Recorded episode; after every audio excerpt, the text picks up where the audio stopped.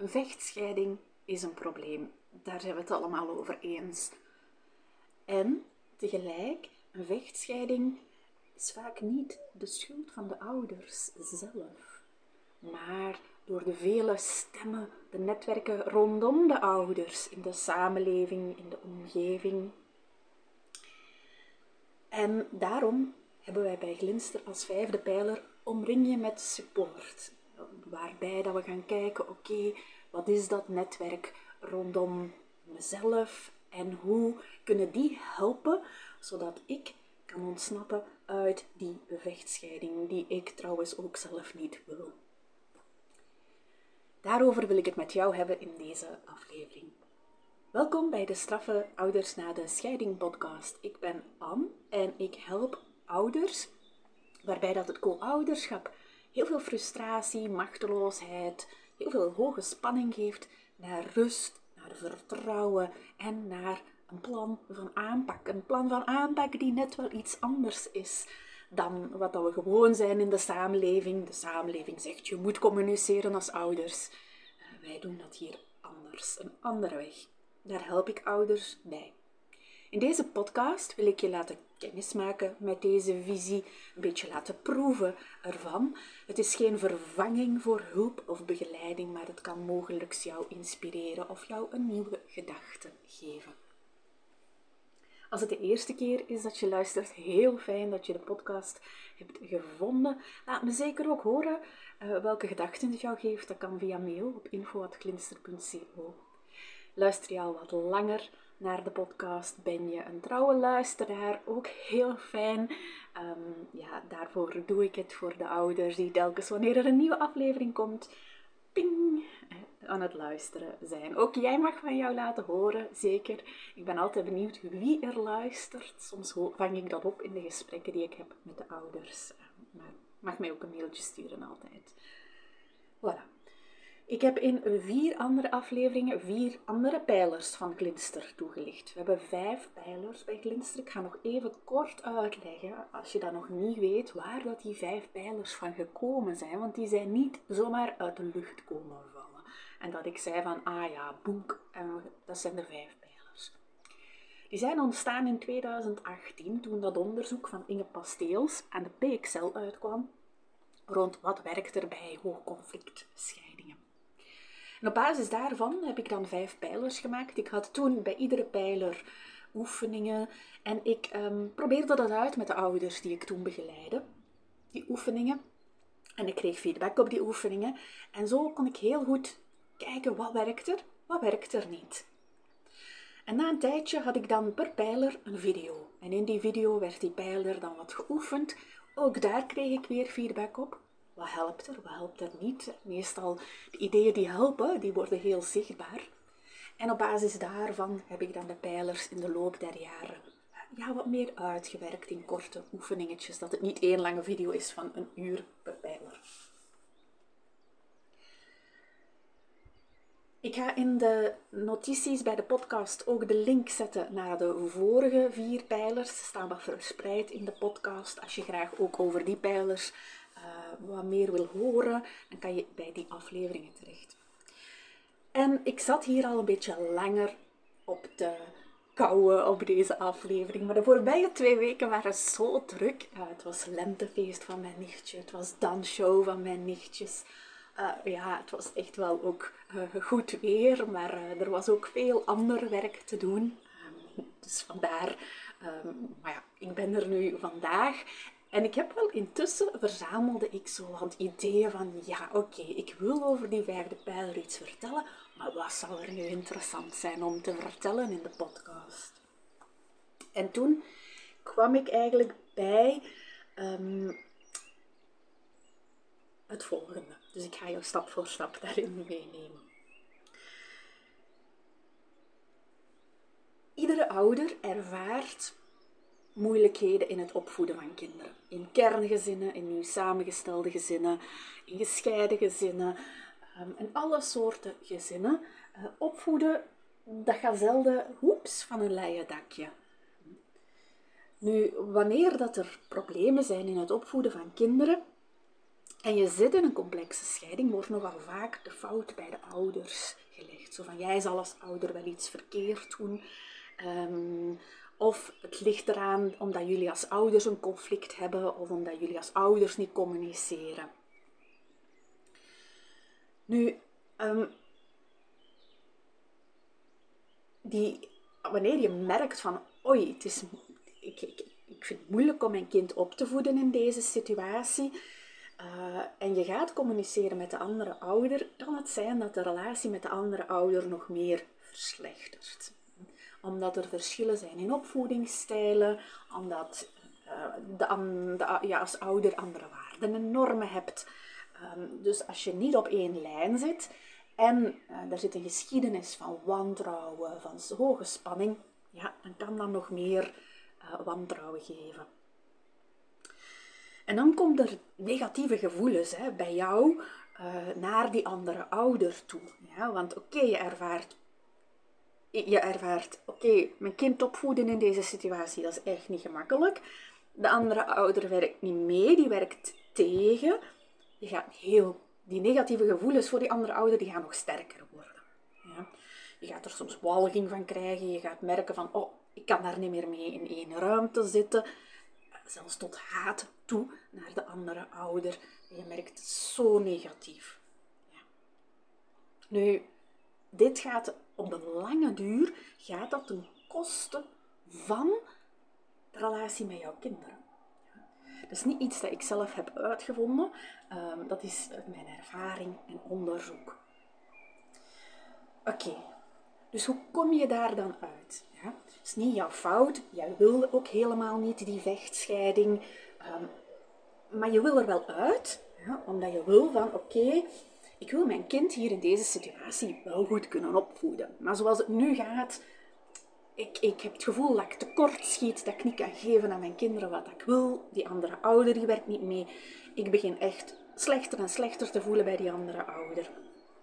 Nu, uh, wat dat er dan gebeurt, is dat er vele stemmen rondom de ouder dingen gaan zeggen aan deze ouder. Ze gaan goed bedoelde adviezen geven.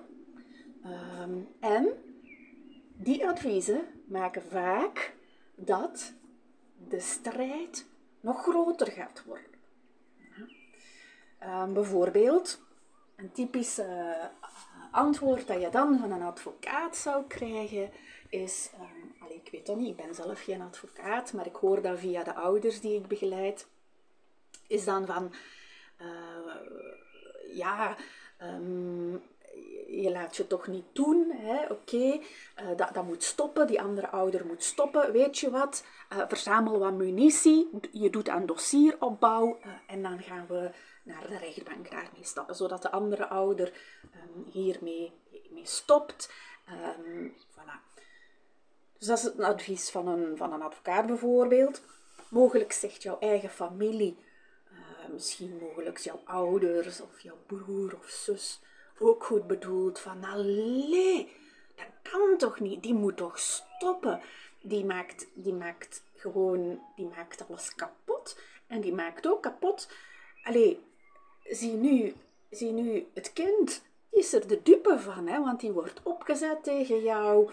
Uh, jij wil ermee praten met jouw kind, maar jouw kind wil niet meer praten met jou, dus jij doet heel veel. Ja, dat moet gewoon stoppen, die andere ouder. Een ander voorbeeldje is je collega. Die zeggen bijvoorbeeld van, ja, maar ja, weet je, misschien moet je de regeling veranderen. Um, want um, zo is het moeilijk om jouw kind op te voeden. Misschien als die meer bij jou is, dat het dan wel beter gaat lukken. Dus weet je wat, ga gewoon naar een advocaat en, en ga, ga voor een andere regeling. Ga daarvoor naar de rechtbank. Zijn zomaar een paar stemmen die ik opnoem. Mogelijk denk jij nu ook nog aan een andere stem.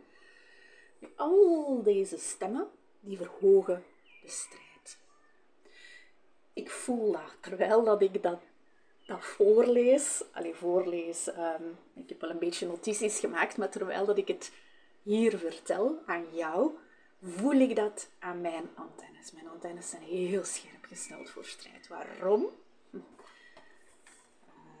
Ben zo opgeleid door liefde. Ehm, maar ehm, ook omdat ik weet dat dit ten koste gaat van de gezondheid. Dat ik weet dat, ik heb dat ervaren, ik zie dat dagelijks. En dus mijn antennes zijn goed afgesteld en ik voel dat al terwijl dat ik dat lees. Dus al die stemmen, oké, goed bedoeld. Hm? En wat gebeurt er dan? En dat heb ik dan van Willem Bekkers. Willem Bekkers is heel erg gedreven in het begeleiden van ouders, mm, van kinderen tussen de 18 en de 25 à 30 jaar. En hij heeft ook wel wat ideeën over, um, ja, over zo'n scheiding, zo'n moeilijke scheiding. En wat merken we? Dat ouders dan, wanneer dat die strijd verhoogt, minder gaan spreken over de opvoeding van hun kind. Waarom? Ze denken, oei, het ligt misschien aan mij. Oei, het kan misschien tegen mij gebruikt worden als ik ga praten over hoe dat ik nu doe met mijn kind. Gaat dat misschien tegen mij gebruikt worden? Of een ouder denkt, ja, maar ik voel mij al zo schuldig over de scheiding. Uh, ik wil mij niet nog schuldig voelen, nog meer schuldig voelen, dus ik ga daar gewoon ook niet over praten. Um, en ik ga ook niet meer praten met de andere ouder. Um, dat lukt niet. Um, ik zou daar wel, ik zou willen dat die andere ouder, dat de moeder of de vader van mijn kind meewerkt.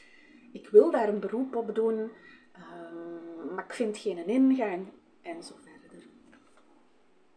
Nu, de samenleving zegt, maak geen ruzie. Als je stopt met ruzie, dan zal het opvoedprobleem wel opgelost zijn met het kind. Spaar de kinderen. Ja.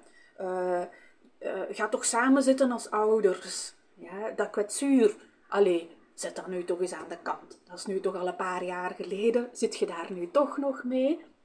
Ja, dan moet je de kinderen niet meer lastigvallen. Hè. Ga gewoon praten. dit is wat je hoort. Niet letterlijk. Maar dit is overal. Als ik mijn oren wat opentrek in de koolruit of op een feestje of uh, op de kunstacademie. Um, als ik mijn oren opentrek of bij de bakker en het gaat over een scheiding, dan komt dit naar voren. En dit doet er lijken alsof dat het een keuze is van de ouder. Je kiest daarvoor om in die strijd te zitten. Jij wil het. Die wil precies niks, terwijl dat, dat eigenlijk geen individuele keuze van jou is. Nu, al deze stemmen zijn een probleem ze onderhouden mee de strijd. Een andere stem is, de andere ouder moet stoppen. De andere ouder is zo slecht, uh, is een kind van de duivel, um, is um, psychopaat. Ja. Um, nu, dat is steunend voor de ouder, maar het effect is dat het de strijd nog gaat verhogen. Ja? En nog meer ja, een weg gaat slaan tussen ouders en kinderen. Al die stemmen, oké, daar zitten dus wel wat uh, problemen. Hè? Niet de mensen zelf, maar die stemmen zijn het probleem. En zo was er ook een ouder in de groep vorige week, in de Glinster Tribe. En uh, ja, zij doet al jaren, uh, volgt zij deze weg hier. En uh, er was terug een escalatie. En ze merkte hoe uh, een familielid van haar uh, boem, boem, ineens zo'n stem had van strijd van, van ja, uh, dit moet stoppen, dit moet stoppen. Ik zal wel met die ouder gaan spreken. En, ja, en ze voelde van, oh, ik wil dit niet. Hè? Ik wil niet dat mijn familielid dit doet, want ik weet, ik heb ervaring daarmee. Um, dus ze is dan zij is dan achteraf, heeft ze met dat familielid gesproken en zijn ze terug um, ja, op een spoor gekomen dat helpend is voor deze ouder. Nu, dat is precies wat ik ouders leer. Hè. Ouders moeten constant ook uh, kijken, wat zegt de ander tegen mij? Ja? Um, en welke betekenis heeft dat? Hoe kunnen anderen, als ik kies voor deze weg, dus als je die vorige vier pijlers hebt beluisterd en je zegt van, ja, ik kies deze weg, hoe kunnen de anderen jou daarin steunen? En de anderen gaan zeggen je moet communiceren. Of we gaan nog eens een hulpverleningstraject van um, ouderschap blijft. Of, of wat, zijn al die soorten trajecten. Of de, de kinderpsycholoog die zegt, ja, jullie moeten toch wel communiceren. Misschien moet je terug wel eens gaan bemiddelen. Dus ik steun ouders dan om die gesprekken aan te gaan met hun netwerk. Hoe kunnen zij jou steunen? Hoe kan jij spreken met hen over de uitdagingen waar jij voor staat en wat helpend is voor jou als ouder in dit opvoedprobleem met jouw kind? Ja? Want het gaat altijd over een opvoedprobleem. Zolang dat goed gaat met de kinderen, komen ouders ook niet naar mij. Het gaat altijd over iets dat ze merken, oei, um, er loopt iets mis, um, ik heb een opvoedvraag. En ik merk dat ouders dan wel heel veel adviezen krijgen, maar zichzelf daar wel wat in verliezen. Voilà, dat is zo.